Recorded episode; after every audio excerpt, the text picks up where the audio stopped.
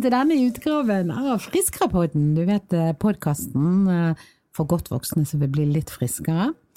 Og her i studio i Bergen sitter Anne Marit Hjelme ved spakene sammen med Ingjerd Strømsgreien. Og nå har vi sagt etternavnet vårt også. Wow! For dere som er nye lyttere, så vet dere altså det. Eh, nå har jo vi laget ganske mange episoder ut av denne her eh, forfriskende podden. Det har vi. Eh, vi er nå på 23, hvis jeg har talt riktig. Mm. Og vi begge to jobber jo i magasinet Vi over 60, men du trenger faktisk ikke å være over 60 for å ha glede ut av å høre på denne podkasten her. For vårt utgangspunkt er jo rett og slett å være informativ, være akkurat passe personlige innimellom, eh, men i hvert fall gjøre deg litt klokere relatert til helse. Og helse er jo grådig mye. Er veldig mye, men eh, det får ganske stor betydning etter hvert som du blir eldre. Det er jo ingen grunn til å legge skjul på. At når du spør eh, folk i målgruppen vår eh, hva de er mest opptatt av, så er jo helse rangert veldig høyt. Ja, og det handler jo ikke bare om at du har vondt i en hofte eller vondt i et kne, og by the way, kne, sant? altså, knærne knirker her i gården. Altså, siden sist da, så kan jeg oppdatere dere lyttere på at eh, jeg har jo da vært og sjekket nå, nå har jeg sjekket begge knærne. Eh, og eh, har altså et problem med begge meniskene. Og det er jo ikke toppen av lykke å være 53 år og problemer med begge meniskene. Men på Nei, den sånn er det når du har vært aktiv fotballspiller. ja, jeg har vært aktiv fotballspiller, holdt på med aerobikk, jeg holdt på veldig mye. Men på den andre siden så tenker jeg det kunne vært verre. Ja, det kunne det. Ja, Sånn at det, det er to dårlige knær eh, som i utgangspunktet ikke skal opereres. Det er til å leve med. Eh, det er vondt når det på en måte ryker til. Eh, du vet aldri helt når det skjer, men du blir jo ekstra forsiktig da, når du eh, beveger deg rundt. Det er jo egentlig det jeg har funnet ut. Men jeg, jeg må jo si det, Inger, at eh, eh hadde, vi hadde jo denne leserturen som vi skulle ha til New York. Da. Det var jo en jubileumstur sånn, som jeg inviterte til for tror det er åtte måneder siden. eller noe sånt. Og da var ikke knærne så knirkefulle som det de ble etter hvert. Sånn at nå når den skulle gjennomføres, sant? den hadde jo vi i august, jeg må si jeg gruet meg veldig til den nettopp pga. knærne. Fordi at du måtte jo gå litt eh, rundt ja. omkring i New Yorks gater? Altså For å si det sånn, Inge, du har ikke vært i New York. Nei, så det, har ikke. Så du, da, da, vet du nesten ikke hva det handler om. Men det eneste som er sikkert, det er at New York er jo en av uh, verdens største metropoler. Og det er jo, altså det, Manhattan er jo stor i omfang. Eh, og det er den beste måten å ta seg frem på der, det er med aposteleshester. For det, det er trafikkork. Det er ikke noe særlig busser eller den type ting. Så hvis ikke du vil under bakken og kjøre Subway, eh, for det er veldig bra der borte, men hvis ikke du vil det, ikke tør det, sånn som meg, da. Jeg er litt sånn pysete med å gå under bakken. Jeg syns alltid det er Jeg gjorde det sist når jeg var der borte, og da kan du gå mange, mange, mange etasjer ned under bakken. Eh, men jeg blir litt gal ut av det. For klaustrofobi, og jeg syns det blir varmt og tett og sånn, så det er ikke min greie. Og da er det én ting som gjelder. Få knærne og føttene til å fungere. Rett og slett. Apostlenes hester. Yes, yes, yes. Så jeg må si det at jeg, jeg hadde litt sånn avventet forventning akkurat til den biten der, da. Men hvordan gikk det? Ja, for nå er vi inne på hva som har skjedd siden sist. Ja, det er det vi er. Eh, jeg er jo kom tilbake, faktisk. Jeg har fremdeles jetlag mens jeg sitter her. Hører du det? Blablabla. Du er i ferd med å sovne ja. her du sitter. Jeg bare snakker tull. Jeg bare bobler. Eh, nei, altså det jetlaget når du kommer fra New York til Bergen, det er jo eh, det verste. Altså det er jo den veien som er det verste. Så når jeg landet og ikke hadde sovet hele veien fra New York til Oslo og fløy videre til Bergen, Eh, og bare totalt kollapset noen timer om ettermiddagen jeg landet. For da hadde jo jeg vært våken veldig veldig lenge, og langt over et døgn. Og du vet, Det å døgne når du er over 50, det er ikke, det er ikke noe særlig. Nei. Så jeg følte virkelig at det var helt tullerusk. Og så våknet jeg noen timer, og så lå jeg meg og fikk en noenlunde normal natt, og var på kontoret klokken åtte og følte meg egentlig sånn ganske pigg. Eh, men så fikk jeg det igjen dagen etter, mm. og jeg har slitt liksom den påfølgende helgen. Så vanskelig å sovne inn, eh, fordi at eh, rytmen er jo skeiv. Seks timer skeiv. Så det er vanskelig, vanskelig, å sovne om kvelden, for da er jo egentlig kroppen i et tidlig ettermiddagsmodus. Og så tilsvarende vanskelig å våkne om morgenen. Så det er prisen å betale for å være sånn ute og fly. Men ellers utover det mm, Jeg har altså vært med to grupper av leserne våre. Og det var, hvor, hvor, hvor stor var gruppene? Nei, altså det var, eh, Vi har jo 40-årsjubileum i år, så det at vi tenkte liksom gjøre New York igjen, det gjorde vi i forbindelse med min 50-årsdag for tre år siden. Og eh, da lagde vi litt sånn kult program og sa liksom 'vil du oppleve New York sammen med meg'? Eh, og det ble jo veldig vellykket. Så vi eh, repeterte det nå, da. Grupper på 30. eh, Og jeg visste jo det at det kom til å være flere enn 30 som ville på tur, så det ble to grupper, altså 60 mennesker. Eh, Og vi, eh, da drar jeg ned, eller dro ned med den ene gruppen på 30, eh, og var der nede med de, og var reiseleder for de, og vertskap, da, kan du si. Og så, når de var mett, av New York, og reiste hjem og syntes sikkert det var litt deilig, for New York er ganske mektig på mange måter. Det er mye inntrykk og mye støy og veldig høyt tempo, det er veldig mye som skjer. Så de fleste er veldig veldig fornøyde etter fire-fem dager. Dette var en seksdagers tur. Da hadde jeg en hviledag, der jeg møtte kollega Ragnar, blant annet, eh, som har jobbet med oss i Viva 60 bor i New York, og så eh, kom den neste gruppen. Så da tok jeg imot de. Eh, og da var jo de fit for fight, selvfølgelig. Og det som jeg bestemte meg for, det var jo Jeg var jo egentlig litt sliten. Jeg kunne godt ha reist hjem med den første gruppen. Knærne holdt seg veldig på plass, eh, men eh, du merker det sånn fysisk og psykisk at du, at du er sliten. Fordi at du er på jobb 24-7. Du er med mennesker rundt deg hele tiden. Ikke bare den gruppen som du er ansvarlig for, men det er tusenvis på tusenvis av mennesker ute i gatene i New York. Hvor mange bor det i New York nå? Nei, altså I New York så er det vel åtte millioner mennesker. Og bare på Manhattan så bor det 1,6 millioner. Og vi hadde jo da hotellet midt på Manhattan i, i 8. Avenue, som er avenuen rett ved siden av Times Square, som ligger på 7. Avenue. Og eh, det er en kjempefordel å ligge så sentralt. Hele intensjonen med det er jo det at folk skal kunne klare å komme seg, føle litt trygghet.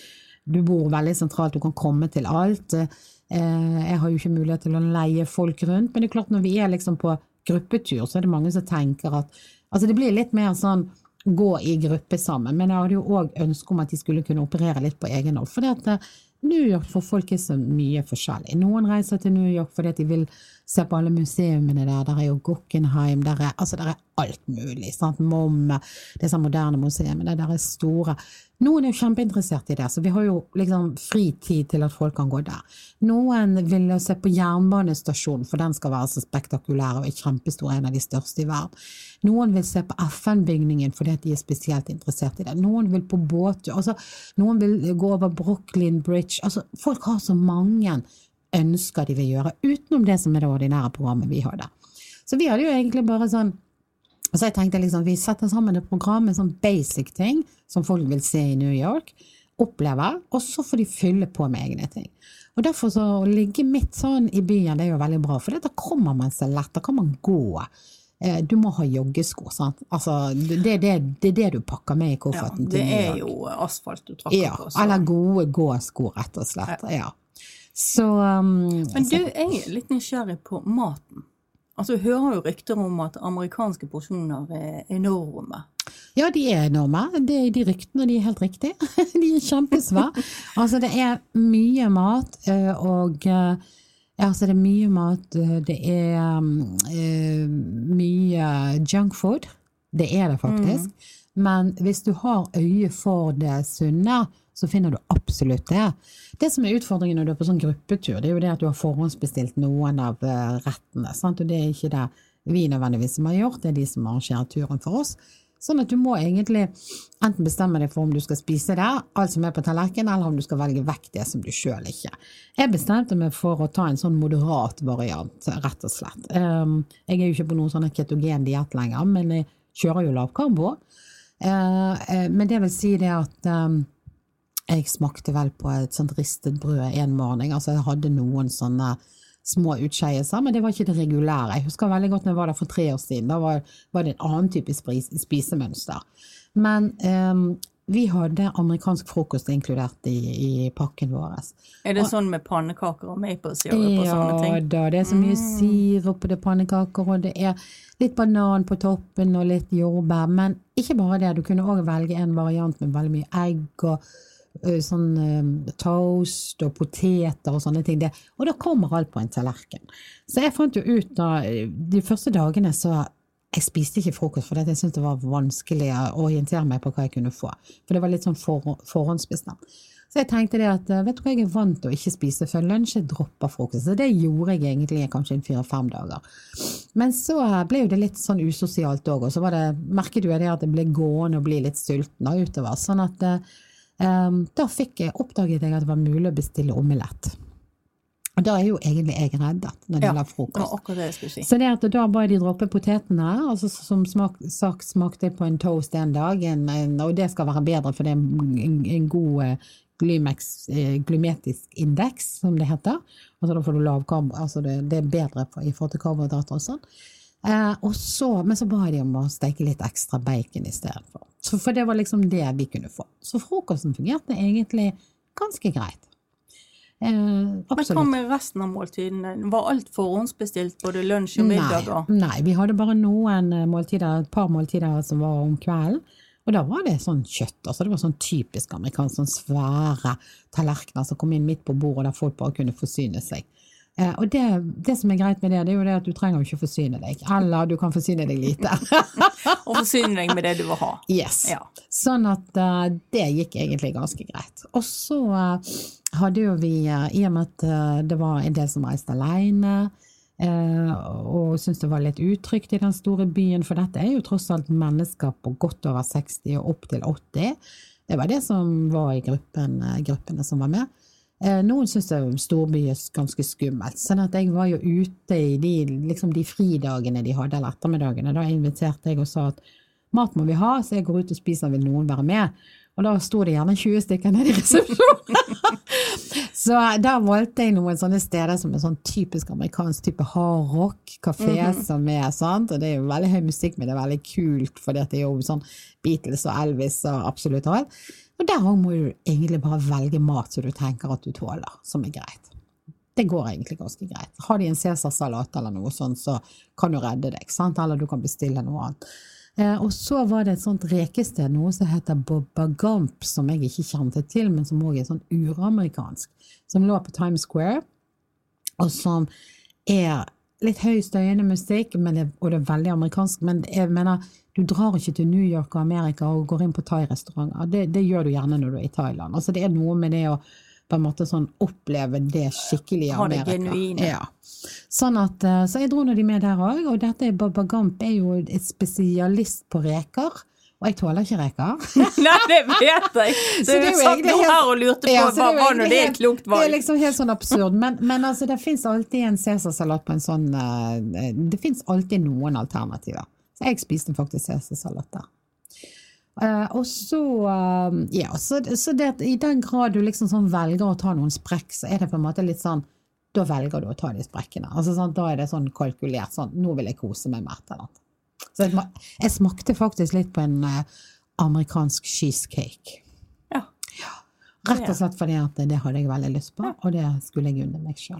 ja, men det er jo det som nå er overgangen til eh, Ja. dette du skal leve med resten av livet. Ja, det er jo, da kan det jo ikke være dette veldig, veldig strikte. Nei. Altså, jeg, jeg hadde med meg en veldig inntettsittende kjole, som er på en måte et veldig sånn godt parameter på om når ting strammer eller ikke. Eh, Og en dongeribukse som på en måte satt, og det var liksom litt sånn veiledende. Og så kan du si det at når du valser rundt i 30 varmegrader og, og sånne ting, så, så du hovner litt i kroppen og sånt. Men egentlig så syns jeg det stort sett så gikk det ganske greit. Ja. Altså, det er noe med de der innarbeidede vanene. Det er noe du bare sier nei til, som poteter og ris og brød og den type ting. Og hvis du sier ja, så vet du hvorfor. Vi var jo blant annet eh, Vi har jo en veldig sånn kul i det opplegget der, så var det sånn um, å spise lunsj i Central Park. Så jeg, du kan si at jeg inviterer jo til ganske mange ting som sånn sett ligger utenfor mitt matgebet. da. Eh, at da får jo du en vanlig lunsj. Da har vi allerede forhåndsbestilt en lunsjboks som vi får til bussen, og som hver og en får. Og så tar jeg hele gjengen. Og det er ganske morsomt å se meg, da. Hønemor med alle sine. Med alle sammen på rekke og ja, og hver sin boks under armen. Eh, og så går vi da fra der bussen setter oss ut av, ned i Central Park. Og Central Park er jo kjempesvær. Den er jo 2,5 km lang og vel 1 km brei. Og det er jo der eh, den, går jo over store deler av Manhattan. Og da har jo jeg funnet et vann eh, med noen benker og litt sånn et veldig koselig sted å sitte etter at vi har vært i, eh, på gudstjeneste oppe i Harlem. Eh, så har vi da kjørt tilbake igjen til dette, og så har vi gått av, og så har vi noen timer sammen i parken. Men du vet at i disse matboksene er jo det bare mat jeg ikke tåler. Sånn. Altså, der er stor sandwich, eh, der er chips, der er juice, der er Altså, der er i utgangspunktet ingenting jeg kan spise. Det Så du, du kunne ikke ha spesialbestilt en boks til deg? De er ikke begynt med sånne Nei. low carb um... Nei, eh, fordi at alt dette skjer gjennom agency agency og den type ting, er det ikke mulig. Men for å si det sånn, jeg hadde rett og slett en proteinbar i vesken hvis, skulle, hvis desperasjonen skulle ta meg, eh, og en flaske med vann. Proteinbar og en flaske med vann, det var lunsjen din eh, I Central Park. Central Park. Men for å si det sånn, det er ikke sånn at jeg koste meg noe mindre av den grunn. Jeg, jeg åpnet jo boksen min bare for å konstatere at disse tingene var der, og gir mine til slettspill og spiser det som på en måte jeg kan spise. Så du kan si mat er jo egentlig blitt mindre viktig i livet mitt. Mm. Ja, altså i hvert fall fordi jeg har ikke den cravingen Nei. og dette etter. Så du kan si det at um, det syns jo jeg er veldig behagelig, at ikke det i seg sjøl skal styre. Så vi hadde noen veldig fine timer, og når du kommer da i Central Park, altså med en horde med norske pensjonister, um, så jeg sitter jo der er masse amerikanere, for New Yorkerne de bruker jo søndagen i Central Park. Og når du er der nede på Manhattan, så skjønner jo du hvorfor, for det er jo bare gate etter gate etter gate. Eh, og da sa jeg bare til flokken min der at eh, vi går ned, vi presser oss ned på noen benker, for det er masse benker rundt dette vannet. Men det pleier å være mye folk. Og så skal dere se hva som skjer. For når vi kommer en så stor gruppe, så kommer de andre veldig fort til å bli skviset vekk, for de syns det er ubehagelig å sitte. Og det skjedde i år igjen. Og det skjedde med begge gruppene. For jeg gjentok jo dette her to søndager på rad. Norsk invasjon i Central Park. Yes. Det burde vært en sak for uh, New York Times. Forviser de lokale. Mm, det var ganske det, det, Du hadde likt det synet der, eh, Inger. Det, det er ganske spesielt. Og bare det der å ha lunsj på den måten. Og folk kommer jo bort til meg og spurte hvor går det an å kjøpe de lunsjboksene. Så eh, det, det, det, akkurat det der prosjektet der syns jeg faktisk er ganske morsomt. Høres ut til å ha vært en bra tur, tross alt. Ja, altså jeg må si det at knærne mine leverte, og da er jeg fornøyd. Ja. Mm, jeg fikk ikke vondt. Eh, Jeg må jo si det at jeg kom jo hjem med noen sånn ekstra i bagasjen, da, fordi jeg hadde noen solide vannblemmer under føttene når jeg kom hjem nå. De har jeg pleiet med omhu, sånn at ikke det, de sprakk og sånt, men eh, når du går mye, selv med gode sko og skiftesko og sånne ting, men når du går en mellom 10 og 20 000 skritt om dagen, på asfalt, gate opp og gate ned, for her vet du, hele New York er jo delt inn i avenuer og streeter. Så det er jo sånn 8, 9, 10, 11 avenuer bortover, så det er sånn 150 streeter. Så du kan, du kan liksom bare gå og gå og gå og gå, du, du kommer aldri rundt egentlig. Um, og da var jo det mellom eh, 25 og 32 grader, og så regn noen dager. Så en av dagene så var det sånn friksjon. Da gikk jeg på noe som heter High Line, som er en sånn park som er laget langs en eh, togskinne, trasé.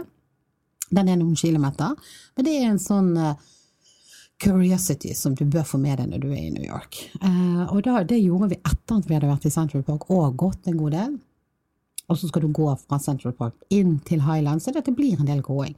Så eh, da kjente jeg at noe skjedde under føttene. Og da gikk jeg, så kom jeg tilbake på hotellet. Eh, gikk ut, det var en sånn eh, eh, isbitmaskin i gangen. Så tok jeg altså søppelboksen på, på rommet, fylte den med isbiter, eh, satt med beina oppi, for jeg kokte under føttene, eh, og kjente at å, her skjer det noe. Og så, da, var da var jeg jo redd for å få forfrysninger, rett og slett. Eh, men der satt jeg med beina nedi der bare for å kjøle ned. Men det var jo snartenkt, da. Ja, ja, det var en nødtenkning. For det at jeg svei og altså det var virkelig, hadde virkelig vondt i føttene. Og da hadde jeg til og med noen nyinnkjøpte sko som jeg hadde kjøpt hos Sketchers eh, der nede for å supplere med det jeg hadde med meg. Men da så jeg at det var begynt å blemme seg på begge føtter. Så det, det ga litt utfordringer, men ikke mer enn at jeg klarte å fikse det. Nå skal vi snakke om noe mm, et mye større og mer alvorlig tema. eh, som veldig mange er opptatt av i vår samtid, for det det rammer veldig mange, og det er kreft. Og hvordan det faktisk er å leve med kreft. Og vi har jo laget en veldig innsiktsfull artikkel i Vi over 60 om dette, og sett litt på den nyeste forskningen. Så hvordan er det faktisk, og kan ikke du oppdatere oss litt med om hva den nyeste forskningen sier når det gjelder kreftdiagnoser? Det jeg syns eh, var interessant når jeg begynte å lese meg opp på dette, det er jo det at det har skjedd veldig mye positivt eh, innenfor kreftforskning. Det er ikke sånn lenger at det er en dødsdom å få en kreftdiagnose. Det er en alvorlig sykdom, ja. Og der er fremdeles en god del som dør eh, av kreft, men det er også stadig flere som dør med kreft. Det vil si at de har, det er en annen dødsårsak eh, enn eh, kreften. Hvor mange er det, hva er det de sier, hvor mange er det som får det en eller annen gang i løpet av livet? Altså Det er jo en, en, en stor andel, og jo eldre du blir, jo større er jo om, sannsynligheten for at du får kreft. Ja, Snakker ikke vi om sånn én av tre, ikke det det Kreftforeningen sier? Jo, men det er, da snakker vi um, overlevelse. Da snakker vi to av tre eh, overlever eh, kreften. Okay. Og det var det jeg syns var så positivt, som er et ganske godt bilde på eh, den intense forskningen som foregår på kreft. Eh, det er, du skal ikke så veldig mange tiår tilbake før det var én av tre. Og hvis du går enda lenger tilbake, så eh, var det jo var, Da var jo kreft en dødsdom. De begynte jo å diagnostisere kreft allerede på 1900-tallet. Og da hadde de jo veldig lite å hjelpe seg med. Så begynte de å operere noen svulster, de som lå sånn til, og de som de klarte å få vekk hele svulsten eh, av, det var jo få. Eh, de, eh, de overlevde. Og så etter hvert så kom stråling og cellegifter og mange forskjellige cellegifter. Det er også noe å være obs på. Det er at eh, det er veldig mange ulike cellegifter som virker på ulike typer svulster. Men de siste mm, årene er det jo immunterapi som er blitt det store nye, og som har kurert mange. Men før vi går videre, kan ikke du si litt, hva er cellegift for noe? Cellegift, det, er, det ligger jo i, i, i, ordet. Altså det virker på eh, celler som deler seg hurtig. Som f.eks. kreftceller. Gift. Gift. Det er veldig tøft for kroppen, eh, men det dreper eh, kreftcellene. Men så er det mange ulike typer cellegifter. Mm, det er det. Hva er forskjell? Forskjellen er hva slags type kreft du har. Men hva er eh, hva forskjellen slags, på cellegiften? Den, er, den er, går mot ulike typer kreft. Den type eh, cellegift, eh, den går mot sånn og sånn type kreft. En annen type cellegift går mot en annen type kreft. Og så finnes det valg innenfor de forskjellige eh, krefttypene også, hva slags cellegift du kan bruke. Så giften er komponert, består av forskjellige ting, da? Ja. Avhengig av om du nær sagt har lungekreft ja. eller nyrekreft. eller ja. hva som helst. Og så kan den mm. cellegiften igjen kombineres med andre stoffer for å øke eh, virkningen av den. Hva er immunterapi, da? Immunterapi virker på den måten at da hjelper du kroppen sitt vanlige immunapparat, som slår ned eh, betennelser og sykdom, til å gjenkjenne og bekjempe kreftcellene. For det som er med kreftceller, det er at de, de kan ikke bare gjemme seg. Altså i den forstand at kroppens immunapparat oppdager de ikke. Men de kan faktisk også slå av ditt eget immunapparat. En kreftcelle kan, kan sende ut signaler og så slå av eh, det som normalt ville slått ned en, en sykdom. Ok, Sånn at de kan spre seg ja. uforstyrret, nær sagt. De slår av bryteren, de? Ja. ja. De slår av bryteren, og dermed så får de fritt leide. Ja, mm, akkurat. For det er jo stadig flere krefttyper som de nå tester immunterapi på. Mm. Uh, vet du noe om hva slags type krefttyper det er? De har annet mot hudkreft er det brukt en del, mot lungekreft er det brukt en del. Eh, De har testet det på tarmkreft, det har ikke gitt så store resultater der. Eh, Så de utvider det stadig vekk eh, til nye krefttyper. Hva, hva mener forskningen sjøl når det gjelder når de skal få den total, det totale gjennombruddet i forhold til å, å faktisk kurere all kreft? For nesten Ingen vet jo, det er jo også kreft, hvis vi skal definere det, så er det veldig sånn ukontrollert deling ut av celler. Og ingen vet jo helt hva som er på knappen. Nei, altså du har jo det som eh, vi har snakket om i mange podkaster, dette med at du har en arvelig bit, og så har du en miljøpåvirkning. Mm. For eksempel lungekreft.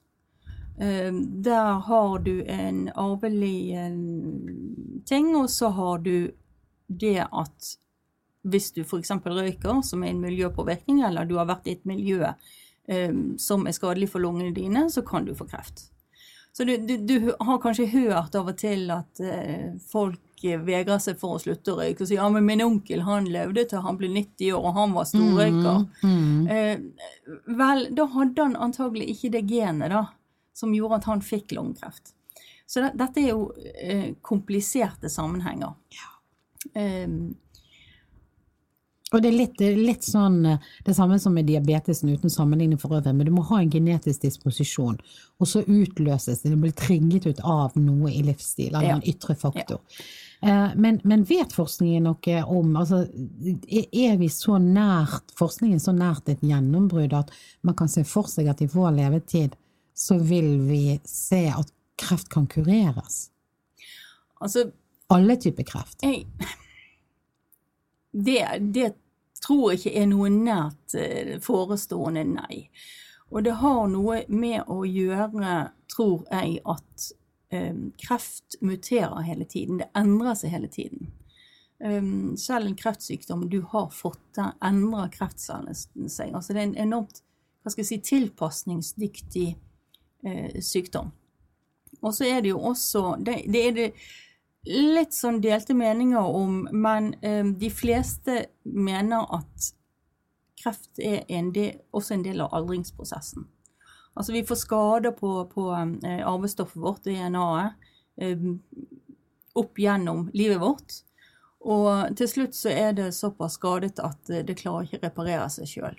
Eh, og, og da får du annet eh, kreft. Ja, for det som du sa innledningsvis, så er det veldig mange som dør med kreft i dag. Ja. Og antagelig har gjort det gjennom lange tider. For det, vi hører jo mange si at ja, det er så mye mer kreft i dag enn det var tidligere. Er det sant? Jeg tror det har å gjøre med at eh, vi oppdager mer kreft enn det vi gjorde før. Eh, diagnostiseringen er blitt så mye bedre. Du oppdager kreft bl.a. på et tidlig stadium, noe som er veldig viktig, spesielt for enkelte kreftformer. At det blir eh, tidlig avdekket. Kan du da komme inn med behandling, eh, så er det kurerbart. Eh, ta eh, kreft i skjoldkjertelen. Har 80-90 eh, blir kurert. Hvis du da ikke lar det gå så lenge at det har spredd seg, for det kan også spre seg. Så det er nødvendigvis ikke sånn at det er så veldig mye mer ut av kreft i dag, men tidligere så døde man med det uten at det ble gjort noe med det underveis i løpet. Ja, man visste gjerne ikke at personen hadde hadde, kreft heller. Mm. Um, det, det ble ikke oppdaget. Men hvordan eh, tenker du at, eh, at det er tabu rundt eh, kreftsykdom og diagnose i dag? Jeg tenker at det er mye, mye mindre enn det det var før. Um, Det begynner også Altså, det blir jo fremdeles, tror jeg, sett på som en dødsdom. Um, Jeg har jo opplevd dette på nært hold. Um, Min mann døde av kreft for snart fire år siden.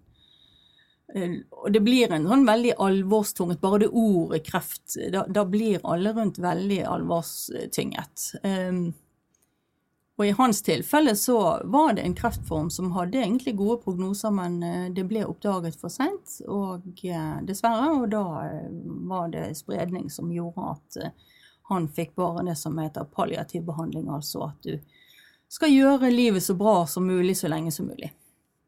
Hvor, eh, hvordan opplevde du det da, å være pårørende til en som fikk en så alvorlig kreftdiagnose? Nei, det er klart det er kjempetøft. Det er Plutselig så får du en helt annen tidshorisont på ting. Eh, Det lange livet som gamle sammen som vi hadde sett for oss, det, det skjønner du plutselig, det blir ikke av. Og så har du den balansen mellom å eh, bare fokusere på sykdommen og la sykdommen overta alt, og samtidig ha eh, normale dager. Eh, så det er, det er kjempetøft. Det er det. Men eh, han fikk jo veldig god behandling på eh, Haukeland sykehus, der han eh, lå i perioder. Ja, for det at når dette ble oppdaget, så var han kom så langt i forløpet at han var alvorlig syk på det tidspunktet. Hvordan eh, oppdaget dere det at han var, altså oppdaget at han var syk? Så jeg hadde jo jeg hadde fått noen slags forvarsler, men det, du kan si at det er jo det Vi snakker jo mye i denne podkasten om det hele mennesket. Vi snakker om at vi består av hode og kropp, og vi består av en hel kropp. Og det som jeg oppdaget, det er at når du er i et sykehussystem, så blir du på en måte stykket opp. Så han hadde bl.a. noen eh, besvimelsesepisoder. Eh, han hadde noe blødning fra tarmen. Eh, men, men eh, det ble liksom ikke satt i sammenheng. De undersøkte hodet, de tenkte på, på eh, hjerneslag. Eh, blødningen ble liksom tilskrevet en, en hemoroide, altså noe helt eh, ufarlig. Og i etterkant så har jo jeg lest journalen hans og tenkt at ja, men her måtte det jo ringt noen alvorlige klokker. Men når det skjedde, for han var jo en usedvanlig sprek mann, eh, så, så var det for seint. Så det, det, jeg har brukt litt tid på å bearbeide ikke ja, nesten bitterhet. Eh, så det er derfor jeg nå ivrer for å, å gi informasjon om at ta symptomer på alvor, gå til legen, få det sjekket. Gi deg ikke før du får det sjekket. Mm, ja, for hva skjedde når, eh, når eh, mannen din da fikk diagnosen? Var det sånn eh, Hva skjer i det møtet? Er det sånn at legen som melder dette, er veldig tydelig på alvorsgraden og anbefaler dere hvordan ta veien videre derfra? Fortell litt om, om hvordan det er. At han var jo til en uh, undersøkelse, og uh, etter den undersøkelsen så sa jo en erfaren lege så sa han at det er noe kreft. Og uh, nå skriver han en henvisning, og hvis dere ikke har hørt noe innen en uke, så må dere mase. Og da tenkte jeg at ok, dette er alvorlig. Um, så sa han samtidig, som helt riktig er, at med den kreftformen så er det store muligheter for at du kan bli helbredet. Um, men det viste seg dessverre å, å um, være gått for lang tid. Slags type kreft var det han hadde? Han hadde endetarmskreft. Ja. Det, er det òg forskjell på slags type kreft man får i forhold til hva som er lett å snakke om, vanskelig å snakke om, stigma rundt? Eh, eh, for vi vet jo at det er forskjell på sånn hvor noe er jo mer alvorlig å få enn andre. Men, men akkurat det er sånn hva, hva, hva opplevde du rundt det? Altså, jeg tror jo fremdeles at det er kanskje en av de få tabuene vi har igjen. Det er forhold til eh, tarm og avføring og eh, helt naturlige prosesser. Så det har jeg tenkt mye på at ja, det hadde kanskje noe med det å gjøre. Han hadde en kvinnelig lege, eh, og hun undersøkte han ikke i endetarmen, som hun burde ha gjort.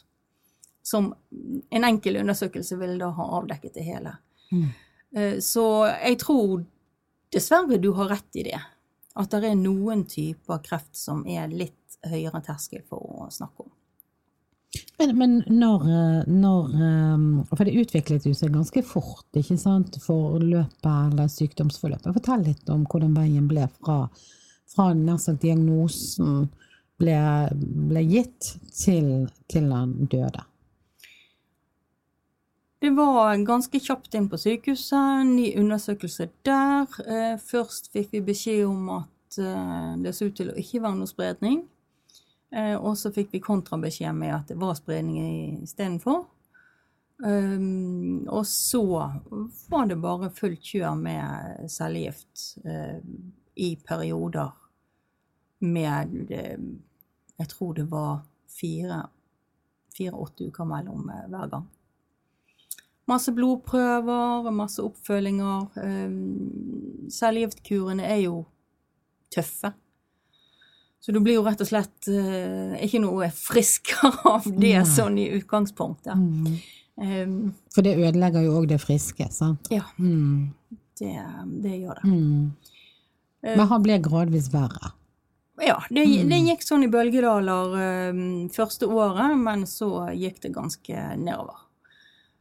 Han ble testet for immunterapi. Da var de begynt forsøk på immunterapi mot endetarmskreft, men han hadde ikke en eh, gensammensetning som eh, gjorde at det var aktuelt. For det er noe som er veldig viktig å være klar over. Det, det, var, det var kanskje det mest utfordrende. Det var at alle har en mening om hva behandling som er den beste i den sammenhengen. Og, kom, og leser gjerne på nettet om et eller annet eh, mer eller mindre vidunderkur. Mm. Um, men jeg har stor tiltro til eh, det norske fagsystemet. Ja, for du mener, når du sier alle, så var det på en måte velmenende personer rundt ja, dere? ja, ja. Velmenende personer. Om det Som- kunne være familie eller kollega eller hva som Ja, helst, som hadde som- lest noe noe sted. Som mente at ja, men der finnes det kanskje noe i USA, der finnes kanskje noe i Tyskland, der, der, der må jo være noe som kan gjøres. Eh, mens jeg tenker ofte at mye av den, det man skal bruke tiden på i en sånn prosess, det er å akseptere Ja. at sånn er det. Mm. Hvordan gjorde dere det? Og du det? Nei, ved å snakke om det og eh, finne ut av hva skal vi bruke denne tiden til. Og, og um, reflektere litt over hva er det som har vært, og hva. Og så bruke tid til å sørge sammen. Så um, Og det gjorde dere? ja, det gjorde vi. Mm. Men, men selv om vi gjorde det, så har jeg tenkt i ettertid at vi gjorde det for lite. at det er, det er en prosess du, um, du trenger mye tid til.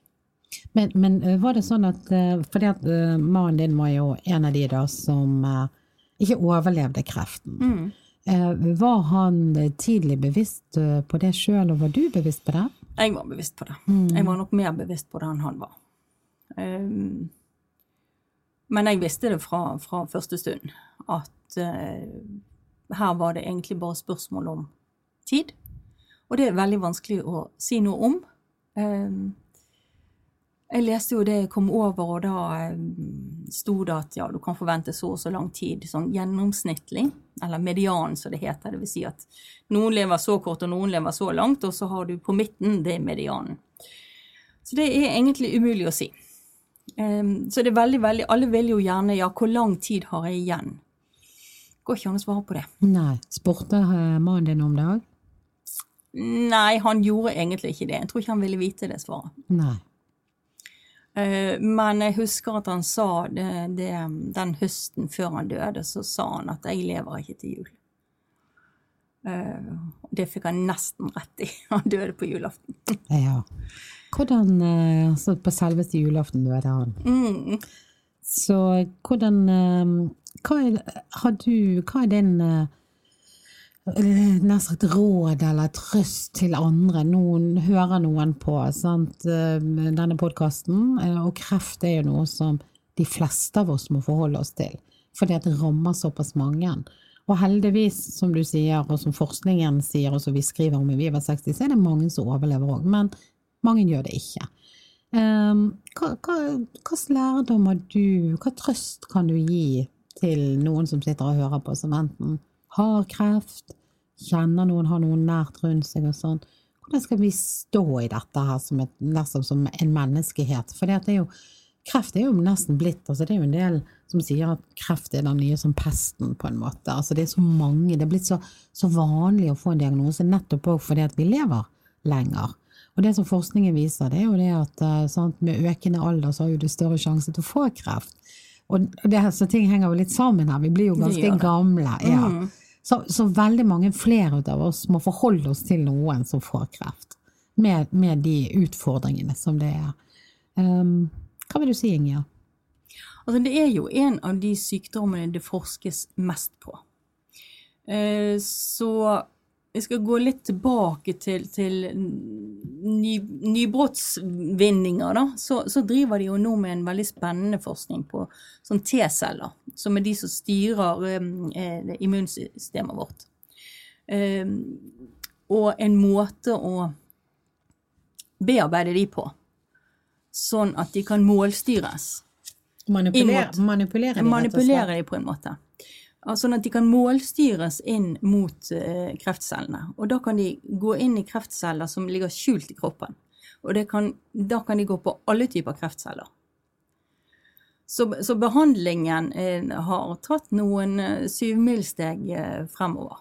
Virkelig. Ja, for det, for det er vel òg sånn at eh, noe av det bra som har skjedd da, med, med, forskningen og utviklingen, det er jo det at det er litt færre eh, bivirkninger og sånt mm. ut av en del medisinering? Ja, det er jo fordi at det er kommet så veldig mange varianter av eh, cellegifter. Um, og så er de mye mer bevisste på å teste på forhånd. Så hvis en pasient blir satt på en cellegiftkur og tåler den dårlig for masse bivirkninger, så kan man bli tatt av den og så forsøke noe nytt. Det, ja. det er sånn det ofte foregår. Eller du får en lavere dose. Ja. Så de følger eh, veldig opp, for du skal jo leve mens du får behandling. Um, og så er det jo også ny forskning nå som uh, foregår mellom flere universiteter i Norge på å bruke undersøkelser som nettopp skal se på hva nytte har pasienten av behandlingen, gjennom en sånn PET-scan. Okay. Um, så det, det, er de også blitt mer og mer eh, fokusert på. At det er ikke bare å gi behandling, men du skal ha nytte av behandlingen også. Men det som går igjen, det er jo litt det som vi møtte dette med, at man vil jo så gjerne ha en, kur. Man vil så gjerne ha noe som hjelper. Og jeg tenker, mitt råd er også det å Noen ganger så er det ikke noe som hjelper. Og vi må på et tidspunkt eh, innse at vi, vi er ikke udødelige. Mm. Um, I hvert fall ikke i, i kroppslig forstand. Så Men så tror jeg altså det å, å, eh, å ha en, en, viss grad av livsgnist. Å beholde livsgnisten, tross alt. Så det å være sterk i troen på at man faktisk eh, kan være blant de prosentene som blir frisk? Eller at være obs på at du kan ha et du kan være syk og likevel ha et godt liv. Ja. Um, du kan leve hadde... med sykdommen og, ja. og, ha livskvalitet. Ja. ja. nemlig. Nemlig. Fordi at vi hadde en fantastisk lege på Haukeland. Um, som jeg nå har vært så heldig at jeg har som fastlege. Etter å ha stått på ventelisten jeg vet ikke hvor lenge. Ah, ja. mm. Men han um, hadde en smittende latter han var, når han var ferdig med det han måtte gjøre som lege, så, så, fortalte han vitser. Han var opptatt av å skape en god stemning. Og jeg tror at klarer du å beholde eh, humor, f.eks., eh, så kan det også være med på å øke livsverdien din. Selv om, om det er tungt og tøft. Ja, for jeg, jeg, ehm, jeg, opplevde jo deg som pårørende når du fikk en kreftsyk mann, fordi at vi jobber sammen, Inge. Eh, og jeg var jo veldig uh, fascinert, må jeg si, og oppriktig. Jeg også fikk mye respekt for den måten som du òg valgte, sammen med mannen din, å stå i sykdommen. At ikke sykdommen totalt definerte hvem dere var, og hvilket liv dere skulle ha. For det er vel noe av utfordringen når man blir syk, at er, da blir man bare den syke. Det fyller alt, altså på livet på alle mulige aspekter. Si litt om hvordan eh, dere tenkte, altså hvordan, hvordan var da hverdagen før han ble helt sengeliggende? Eh, hvordan levde dere livet så normalt som mulig? Ja, vi prøvde å gjøre akkurat det samme som eh, vi hadde pleid å gjøre. Eh, bare litt mindre aktivt eh, fordi at han ikke orket så mye. Um, vi gikk ut og spiste, og vi uh, reiste på reiser, og um, Ja, vi, vi, vi, hadde en normal hverdag. der ikke Så langt det var mulig. Ja, der ikke sykdommen altså, det, det var ikke bare sykdommen det ble snakket om, og, det, og som det var fokus på. Det var det, og du jobbet jo hele tiden, selv om du fulgte han veldig tett i sykdomsforløpet. Eh, så jeg tenker jo liksom hva Hvilke tips eller råd vil du gi til f.eks. pårørende eller noen som blir rammet? Sånn, hva, hvor er det de kan henvende seg for en eller annen form for støtte? For der finnes jo en kreftforening som er veldig aktiv. Kreftforeningen er veldig fin. Ja. Jeg, jeg brukte ikke den uh, sjøl, da, men, men og på alle sykehusene har de noe som heter Vardesenter. Som er et sted der du kan gå og bare snakke med noen. um, som har vært eller er i samme situasjon. Um, så det vil jo absolutt rå folk til. Og de mange pasientforeningene som finnes for ulike lidelser, for dette gjelder jo ikke bare kreften, dette gjelder jo uansett hva slags lidelse eller sykdom du har, så er det det at det er så lett for at det bikker over til at du blir sykdommen. Det er jo, derfor er jeg ikke noe glad i sånn uttrykk som at eh, jeg er en diabetiker. Nei, du er ikke det, du har diabetes. Mm. For det er de stigmaene som er knyttet til den merkelappen du får. Sånn at du blir den som har kreft istedenfor alt det andre du er.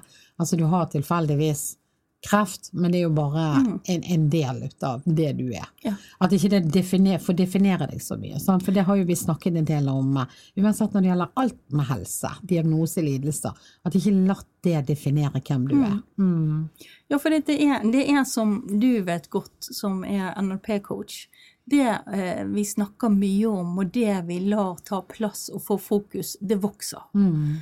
Eh, så det er denne balansen men selvfølgelig må man snakke om når det er en alvorlig sykdom, så må man snakke om sykdommen og hvordan man forholder seg til det. Men hvis du bare snakker om det og ingenting annet, eh, så tror jeg at, at da får den sykdommen for stor plass. Og kanskje det også kan ha en innvirkning på forløpet, jeg vet ikke. Men sånn som eh, det, det positive med den forskningen som er nå, det er jo det at mange blir friske. Men vi har jo ikke snakket noe om seinvirkninger og ettervirkninger ut av en kreft. Det er mange som, som står frem og sier at jeg, er kreftfri. Jippi, det er bra. Men så vet jo vi òg, det er kommet mye tydeligere frem i det siste, at veldig mange sliter jo i ettertid. Veldig mange blir rammet av det som heter fatigue. At du rett og slett er komplett utslitt.